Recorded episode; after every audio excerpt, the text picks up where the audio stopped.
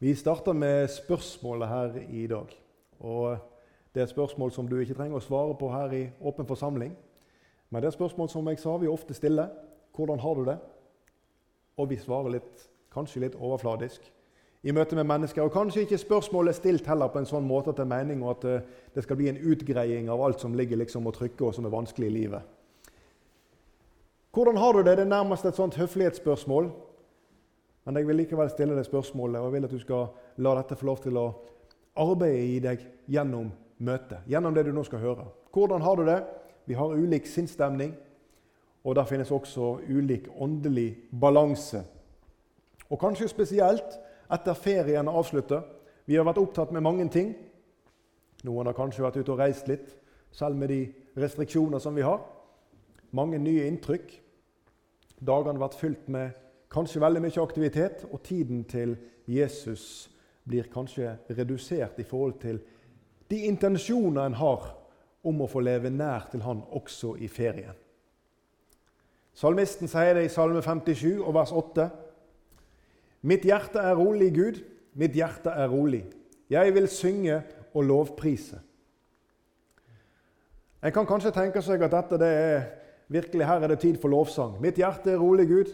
Mitt hjerte er rolig. Jeg vil synge og lovprise. Jeg vil bare fortelle deg at dette verset her, det er på en måte Davids sang når han er i, i en hule der ved Adullam. Han er på flukt fra Saul, men David ja, han er trygg tross alle omstendigheter. Det er på en måte Mitt hjerte er rolig, Gud. Mitt hjerte er ro Går det an, David, å si noe sånt? Du er på flukt fra kongen. De leter etter deg. De vil ta livet av deg. Svaret er det samme. Mitt hjerte er rolig. Men David, du er jo omgitt av bare vanskeligheter. Og Vi leser 1. Samuels bok, kapittel 22, vers 2, om hvem David hadde med seg. Hør. Og alle som var i nød, eller som var trykket av gjeld, eller som var misfornøyde, de samlet seg om han. Han ble deres høvding. Det var omkring 400 mann som var med ham. Mitt hjerte er rolig, Gud. Mitt hjerte er rolig. Jeg vil synge og lovprise. Kanskje har du det sånn etter ferien. Kanskje har du det sånn at på tross av alle ting som er rundt deg, så har du et herlig liv med Jesus. Og du bare sitter her i benken og bobler og venter på at det skal bli frie vitnesbyrd. Kanskje har du det sånn. Da vil jeg si Gud velsigne deg om du har det sånn. Da gleder jeg meg til å høre vitnesbyrdet ditt etterpå. Og så har jeg lyst til å si noe til alle oss andre som kanskje ikke bobler med den samme fryden. Som kanskje ikke sitter og tenker på at mitt hjerte er rolig, og som kjenner trangen til å prise og lovsynge. I Salme 102 og vers 5 da traff jeg et bibelvers i går når jeg satt og tenkte på dette, og vi leser de sammen. Mitt hjerte er som solsvidd og visnet gress, for jeg har glemt å ete mitt brød. Ja, Nå snakker du mer et språk som jeg forstår, tenker kanskje noen. Sånn har jeg det litt nå. For denne sommeren den har satt et preg på, og jeg innser det at eh, mitt hjerte det er solsvidd. Og kanskje passer den beskrivelsen for deg. Eller kanskje passer denne beskrivelsen. Vi leser fra Lukas 15, vers 17 om denne, denne unge mannen som dro vekk fra sin fars hus, og som levde i utlendighet. Og Etter en stund så er det dette som skjer, og vi leser Da kom han til seg selv og sa:" Hvor mange leiefolk hos min far har overflod av brød, men jeg setter livet til her av sult.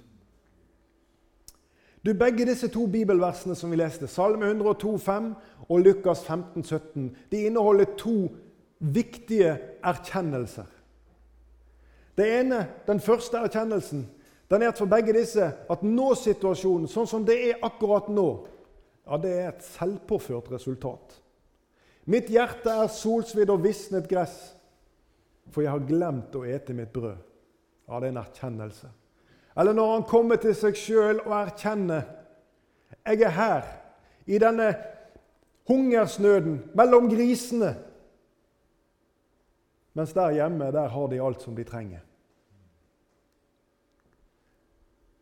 Den andre erkjennelsen er dette.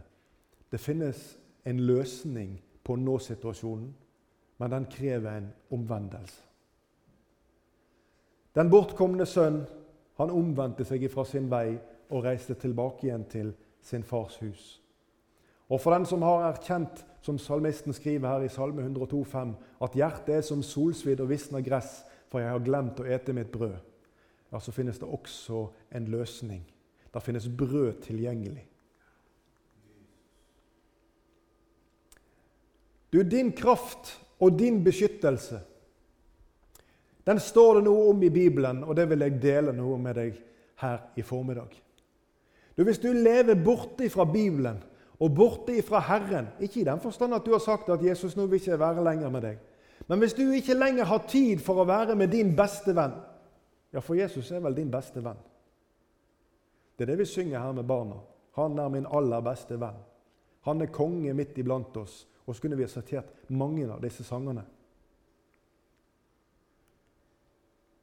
Jeg så en film i går kveld sammen med familien hjemme. Hvor et av spørsmålene som ble stilt, det var et navn på denne vedkommende, og det kan jo være det samme. Men spørsmålet var til vedkommende 'Hvem er?' Og så kunne det vært 'Hvem er du, Morgan?'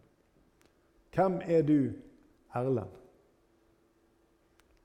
Og så ble på en måte alle slags eh, ferdigheter og ting som på en måte har med seg her i livet, hvilken posisjoner en har sånn, Hvis alt det skal skrelles av, og så står en igjen med dette Hvem er du? Hvor langt nede på lista kommer det at du er kristen? Hvor langt nede på lista kommer det at du er opptatt med det himmelske? Veldig ransakende spørsmål. Du, Hvis jeg kommer langt ned på lista Dette handler ikke om å si nei til Jesus. Dette handler om å leve i hans nærhet. Dette handler om å være i så nærkontakt med Bibelen at Den hellige ånd kan få veilede, slik som Skriften taler at den vil gjøre. Hvis disse tingene kommer i ulage for oss, at vi kommer bort ifra Jesus på den måten at ikke vi lenger lever så nær til Ordet at Han kan få tale til oss, ja, så blir vi lette bytte for den onde. Du, Bibelen den lærer oss hva vi trenger for å bli stående og for å være seirende kristne. I Efeserbrevet kapittel 6 og vers 10-18 der leser vi noen kjente vers som omhandler nettopp dette. For øvrig, bli sterke i Herren og i Hans veldige kraft. Ta på dere Guds fulle rustning, så dere kan holde stand mot djevelens listige angrep. For vi har ikke en kamp imot kjøtt og blod, men mot maktene mot myndighetene, mot verdens herskere i dette mørket, mot ondskapens ånde her i himmelrommet. Ta derfor Guds fulle rustning på, så dere kan gjøre motstand på den onde dag og bli stående etter å ha overvunnet alt. Stå da ombundet med sannhetens belte om livet, og vær iført rettferdighetens brynje. Ha som sko på føttene den beredskap som fredens evangelium gir. Og grip fremfor alt troens skjold, som dere kan slokke alle den ondes brennende piler med. Ta frelsens hjelm og åndens sverd, som er Guds ord. Be til enhver tid i ånden med all bønn og påkallelse. Vær årvåkne i dette, med all utholdenhet i bønn for alle de hellige. Ja, Dette var kjente vers, tenkte du.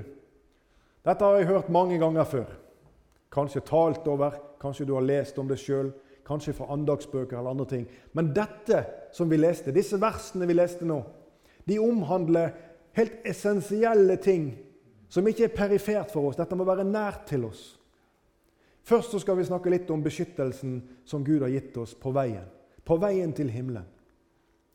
Vi leste Ta derfor Guds fulle rustning på, så dere kan gjøre motstand på den onde dag og bli stående etter å ha overvunnet alt. Altså Ta denne rustningen på, slik at du er i stand til å gjøre motstand på den onde dag. Og Bibelen lærer oss at dagene er onde.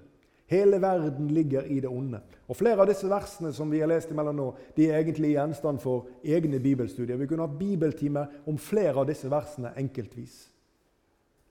Men vi skal gå raskt igjennom dette med beskyttelsen på veien først. Denne rustningen den skal gjøre oss i stand til å gjøre motstand og det står her at vi kan ved å, den, å være iført denne bli stående etter å ha overvunnet alt. Så hvis du skal overvinne alt, så må du ha denne rustningen på. Og Nå snakker vi i åndelig perspektiv. Så leste vi at vi måtte være ombundet av sannhetens belte om livet. Du, selve rustningen den, den blir holdt sammen av beltet. Disse brynjene som de brukte, de hang på en måte over et hull så de trekte denne nedover hodet. og Så hang det foran brystpartiet og nedover ryggen og et stykke nedover livet. Og så blir alt dette knytt sammen av beltet. Og Guds ord, ja, det leser vi, det er sannhet. Vi leser Johannes 17, 17. Hellige dem i sannheten. Ditt ord er sannhet. Så leste vi om at vi måtte være iført rettferdighetens brynje. Og Denne brynja den sitter som jeg sa, øverst på rustningen, og den beskytter alle vitale deler. Den beskytter hjerter og alt som på en måte finnes i overkroppen. Denne brynja, det er den rettferdigheten som du har i Jesus.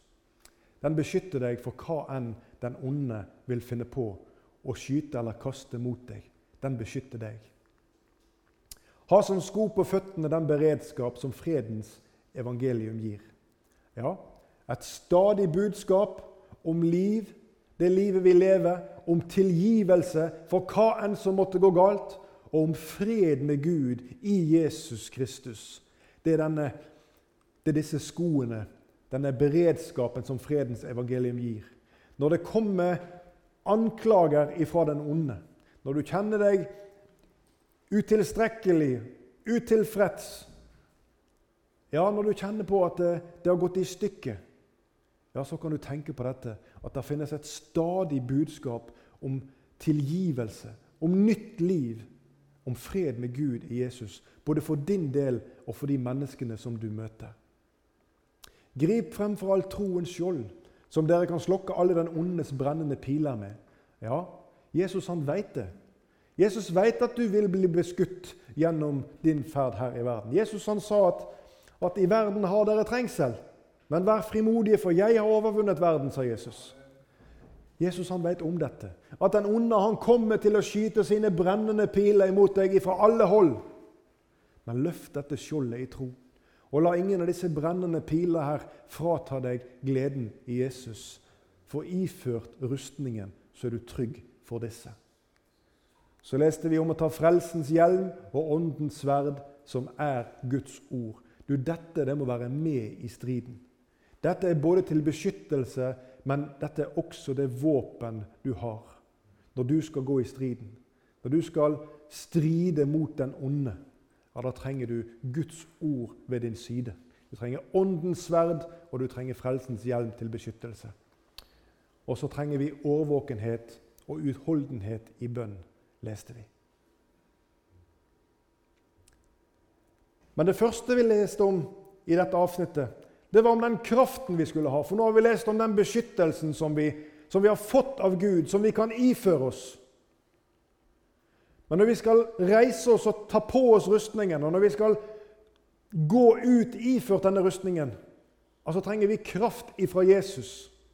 Vi trenger kraft ifra himmelen for å leve som kristne mennesker. For å vandre herfra og mot det evige målet som Jesus har tenkt.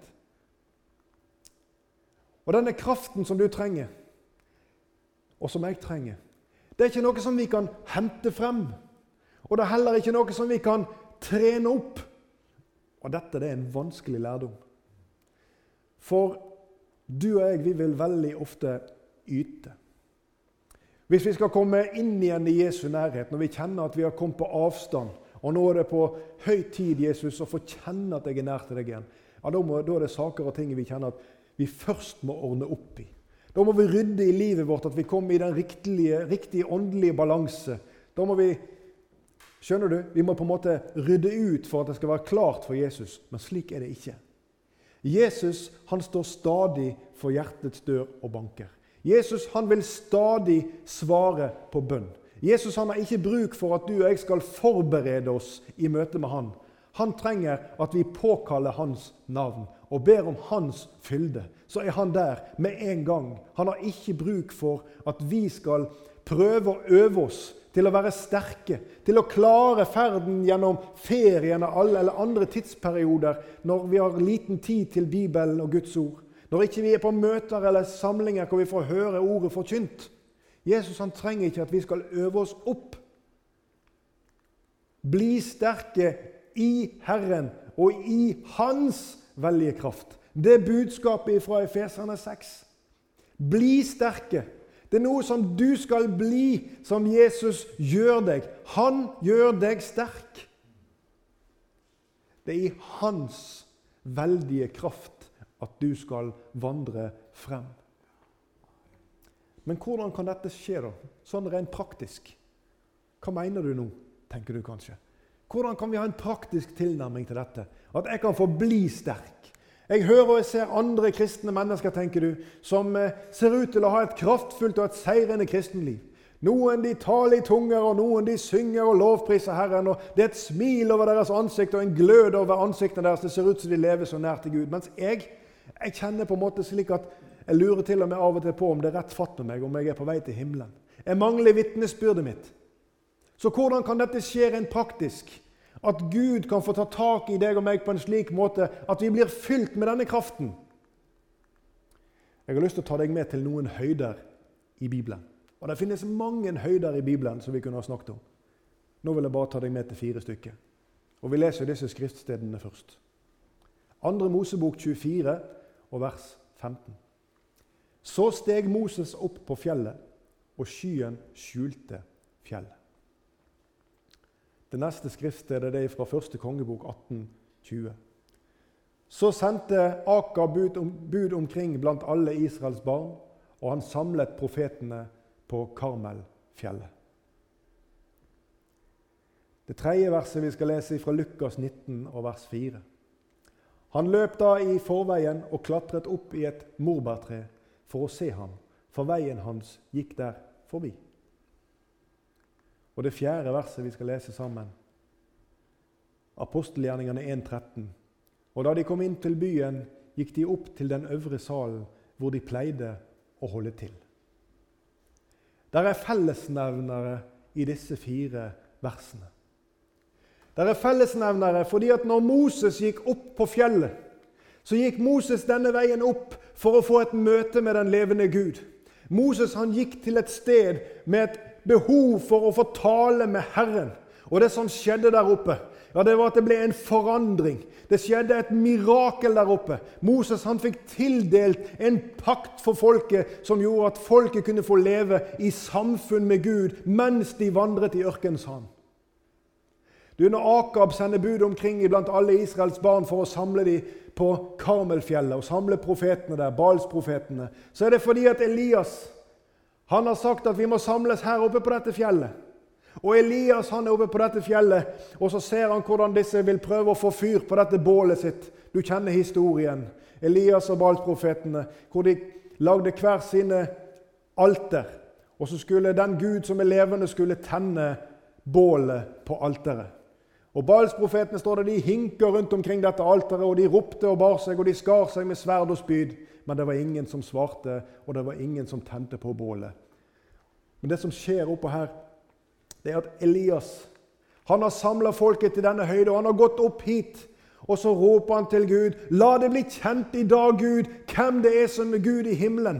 Hvem som er den eneste levende Gud. Og så skjer det et mirakel denne dagen. En forvandling. Gud han sender ild fra himmelen og tenner dette bålet og griper dette folkets hjerte og får vist på nytt at det er jeg som er Gud, den allmektige. Og så blir Balsprofetene utryddet.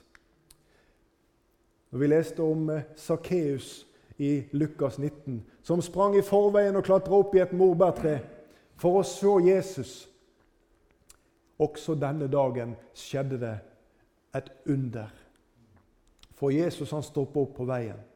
Og Så ser han opp til Sakkeus, og så sier han, 'Sakkeus, kom ned, for i dag må jeg bli i ditt hus.' Og Så ble det til en forvandling for denne mannen, som hadde et behov for å komme nær Jesus for å se denne Jesus. Og så ble hans, ja, Hele Sakkeus ble et nytt menneske denne dag, slik som Skriften forteller at det skjer når Jesus tar bolig i hjertet. Og så måtte han få rydde ut det som var gammelt i livet sitt. Han måtte få gjort opp med de menneskene som var rundt seg, og så ble det til et vitnesbyrd om hva Jesus kan gjøre. I apostelgjerningene 1.13 vi leste om disiplene som gikk opp til den øvre sal. Hvorfor gjorde de det? Jo, for Jesus hadde sagt at dere skal bli i byen inntil jeg har sendt dere det som Faderen har lovt, og Den hellige ånd skal komme. Du, Hva skjedde disse elleve som var der oppe denne dag? Jo, Den hellige ånd kom ned fra himmelen. Den satte seg på hodene deres, og den gav de gaven til å tale i fremmede språk. Så de som sto på utsida, ja, de ble slått av undring, og så fikk Peter stiger frem og vitner for dem fra profeten i gammel tid. Og så kunne de stå der og høre om Guds veldige undergjerninger, hver på sine egne språk. Du, Hva var det som skjedde i disse fire versene? Jo, det var mennesker som gikk til en høyde med forventning i sitt hjerte til hva Gud kan gjøre. Og så skjedde det en forvandling. Så da vil jeg si til deg, du som har gått La, la oss få bli i bildet. Du som har gått opp til arken i dag for å være på møte. Hvilken forventning har du til den forvandling Jesus kan gjøre i ditt liv? Du skjønner, Dette er ikke noe som handler om fordums tid. I dag forvandler Gud mennesker. I dag rører Jesus med menneskers hjerte. I dag taler Den hellige ånd. I dag deles det ut nådegaver. I dag helbreder Jesus mennesker. Han er den samme halleluja som han var når han gikk iblant oss her. Han er den samme som en gang strakte sine hender ut i universet og sa 'bli lys', og det ble lys. Han gjorde alle ting. Og vi sang her i stad i allsangen 'Jesus, du er konge midt iblant oss'. Hvordan er det med deg? Hvordan har du det? Du som har kommet opp her til arken, lengter du i ditt hjerte etter at Jesus skal få berøre deg slik som han gjorde med disse eksemplene vi nå har lest? At det skjer en forvandling i livet ditt? Du som har vært gjennom ferien og kanskje bare tidvis fått bladd overfladisk i Bibelen, kanskje prøvd å lappe på en dårlig samvittighet for at ikke du har hatt det fellesskapet du skulle hatt med Jesus. Og jeg kan tale i mitt eget liv, som ikke har tatt nok tid, slik som Jesus ville skulle gjøre. Men Jesus er der. Og i dag vil jeg si til deg han vil røre ved ditt hjerte. Han vil fylle dine tomme kar. Jesus vil ha deg i tale. Han vil at du skal forstå at han står med åpne armer for hver den som kjenner at den er kommet på avstand ifra han. Jesus han trenger ikke noe av dine prestasjoner. Han spør vil du åpne ditt hjerte, slik at jeg kan få fylt deg med min kraft. Bli sterke i Herren og i Hans veldige kraft. Ikke du, men Jesus forvandler. Det er ikke du som skal skape endringen i livet ditt. Den åndelige forvandlingen den skjer ikke ved at du tar deg sammen, at du prøver på nytt. Jesus forvandler, og Den hellige ånd åpenbarer Hans ord for deg når du søker inn i det. Og Vi kom kanskje til møtet i dag med ulike forventninger. Noen kom kanskje med en voldsom tørst i. Etter lang tid uten møter grunnet alle restriksjoner som vi har hatt, og også ferietiden som har vært. Andre de kom kanskje til møte med ja, kanskje en tanke om at dette gjør vi, det er kjekt å komme sammen, og det skal bli kjekt å møte de andre. Og alt imellom.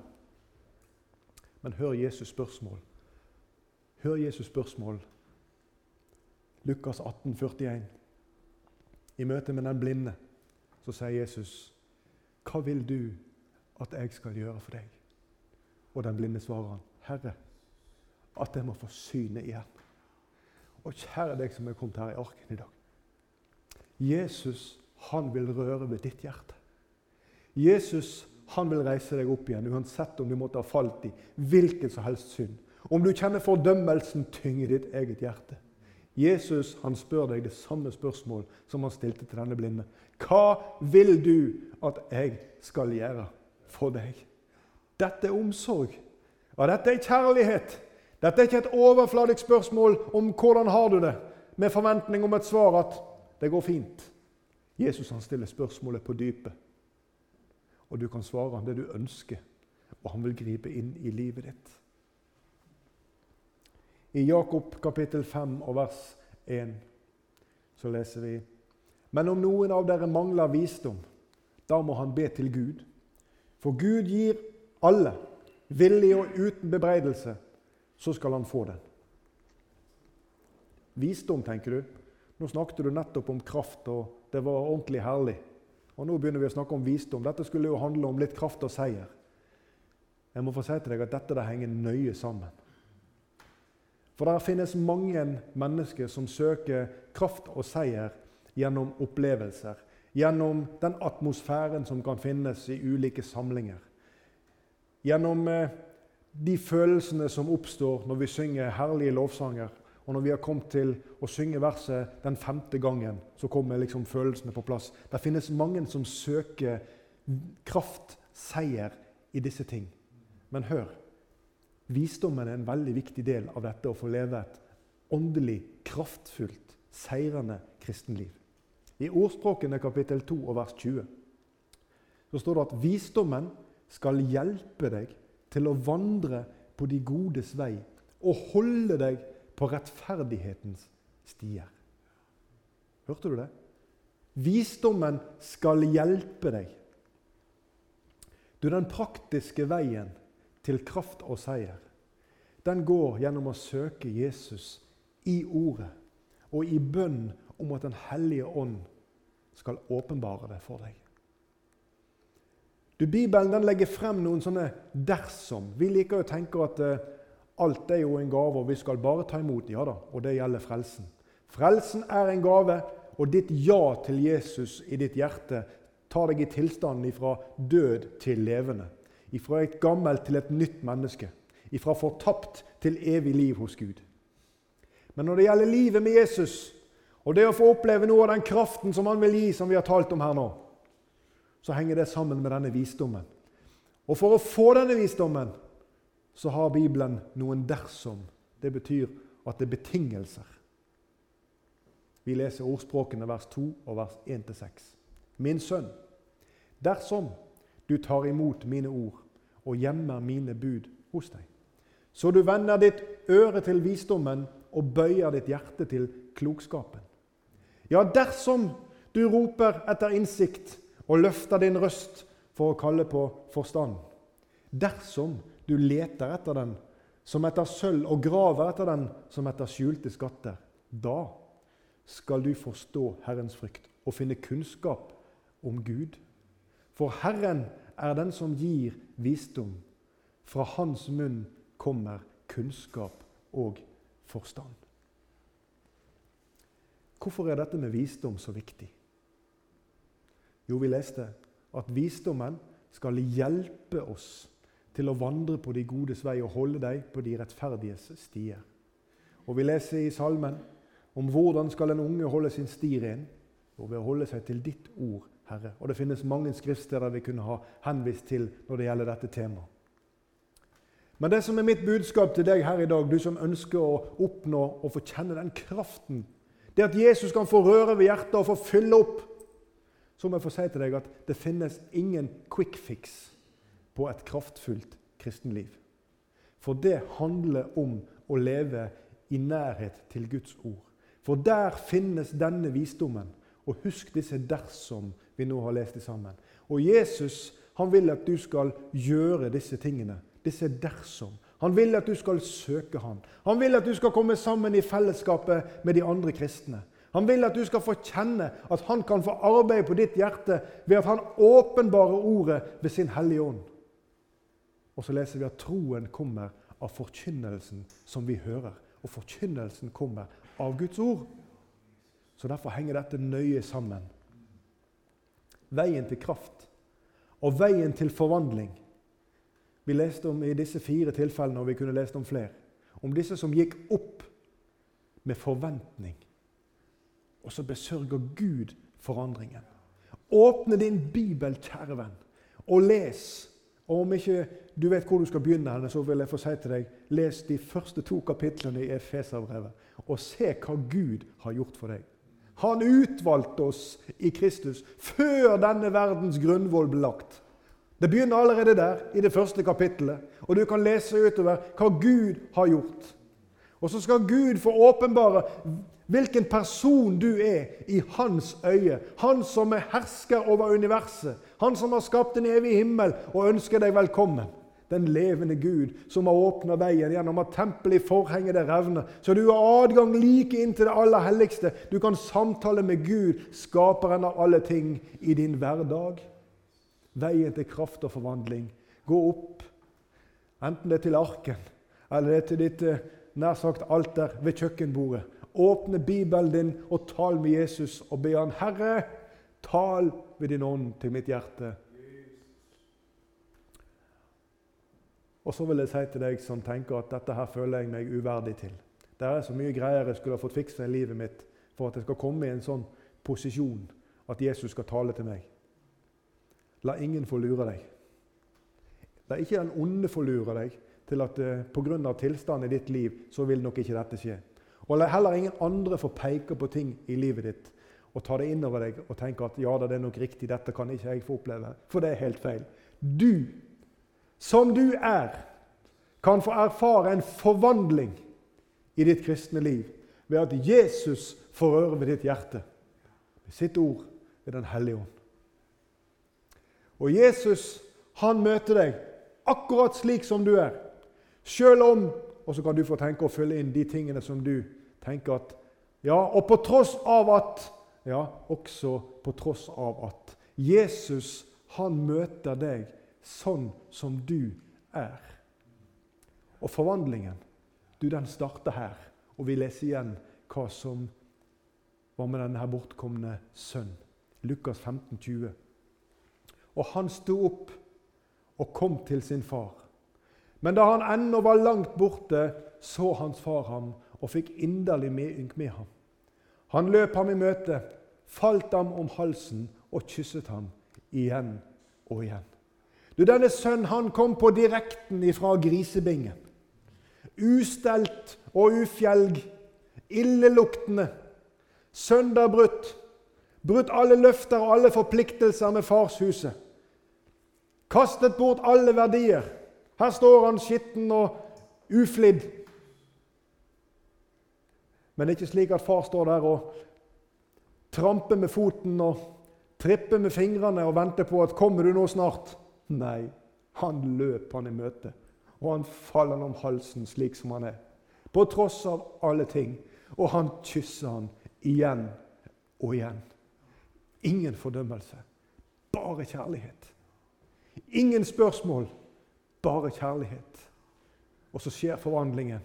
Når han kommer inn i huset, ja, så sier faren til disse som er der, ta av ham disse skitne klærne.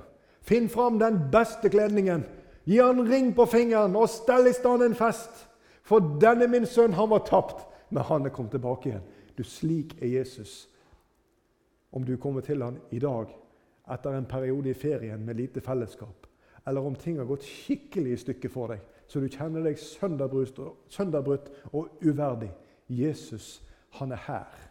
Han står der på høyden og ser etter sitt barn, som ikke får det til som ikke har den nødvendige kraften i sitt eget liv, som ikke kjenner på den ordentlige gleden i det kristne livet. Jesus han er her med åpne armer, og han bare venter på å få trykka deg inntil seg, så han kan få fylle dine kar med det som han har ifra sin himmel. Jeg har lyst til å sitere en sang her helt til slutt.